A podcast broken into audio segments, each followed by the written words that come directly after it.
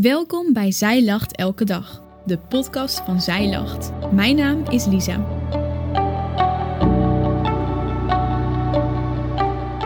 Dit is de overdenking van 14 juni door Teerza Rots. Vandaag staan we stil bij een bijzondere vrouw in de Bijbel, Maria Magdalena. Haar naam is besmeurd geraakt doordat de kerk haar jarenlang onterecht heeft geassocieerd met een vrouw die Jezus voeten waste met haar tranen en droogde met haar haren. Deze vrouw, eveneens Maria genaamd, was een overspelige vrouw, maar zij is niet dezelfde vrouw als Maria Magdalena. Hoe ontmoeten we haar dan wel in de Bijbel? Op meerdere plekken in de Evangelie komen we Maria Magdalena tegen. Haar naam dankt ze aan de plek waar ze vandaan kwam, Magdala. Dit is een plek in Galilea, gelegen aan de westelijke oever van het meer van Galilea. Het allereerste wat we te weten komen over Maria is dat zij met Jezus rondtrekt. Jezus is op doorreis om het goede nieuws van Gods koninkrijk te brengen.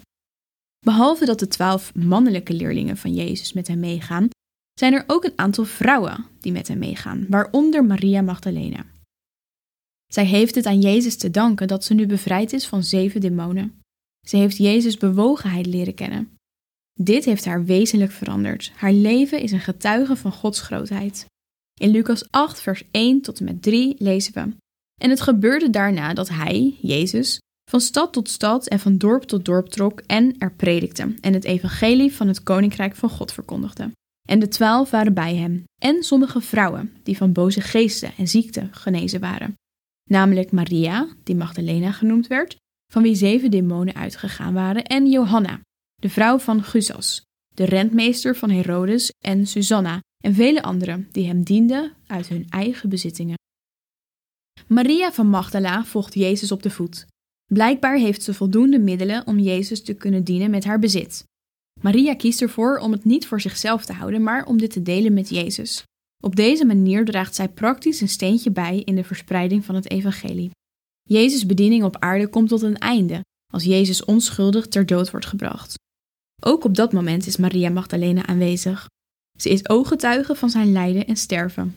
Zelfs nu houdt ze haar blik op Jezus gericht. Vanaf een afstandje kijkt ze toe wat er met haar geliefde meester gebeurt. En er waren daar ook vrouwen die uit de verte toekeken. Onder hen was ook Maria Magdalena en Maria, de moeder van Jacobus de Kleine en van Jozef en Salome. Die, ook toen hij in Galilea was, hem gevolgd waren en gediend hadden, en veel andere vrouwen die met hem naar Jeruzalem gegaan waren. Marcus 15, vers 40 en 41.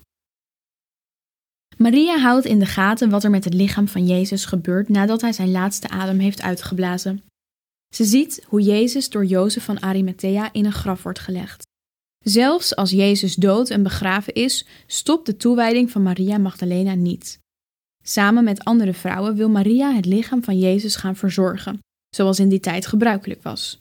Haar liefde voor Jezus reikt tot in het graf.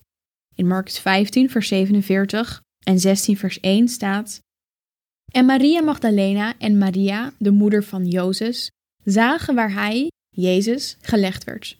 En toen de sabbat voorbij gegaan was, hadden Maria Magdalena, Maria, de moeder van Jacobus, en Salome specerijen gekocht om hem te gaan zalven.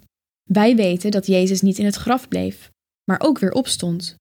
Is het niet wonderlijk dat Maria van Magdala, een vrouw notabene, de eerste is die Jezus in levende lijven ontmoet na zijn opstanding? In Marcus 16 vers 9 staat, en toen Jezus opgestaan was, s morgens vroeg op de eerste dag van de week, verscheen hij eerst aan Maria Magdalena, uit wie hij zeven demonen uitgedreven had. En in Johannes 20 vers 15, Jezus zei tegen haar, Vrouw, waarom huilt u? Wie zoekt u? Jezus zei tegen haar, Maria. Zij keerde zich om en zei tegen hem, Rabboni, dat betekent meester. Jezus noemt Maria bij haar naam. Maria weet zich door hem gekend. Maria heeft Jezus diepe liefde en bewogenheid leren kennen, waardoor haar leven voorgoed veranderde. Ze inspireert ons met haar grote toewijding en dienstbaarheid ten opzichte van haar meester. Net als Maria mogen jij en ik heel praktisch en concreet delen van wat we hebben.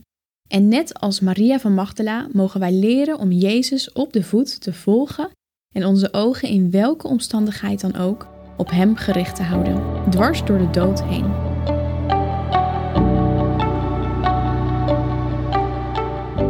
Dankjewel dat je hebt geluisterd naar de overdenking van vandaag.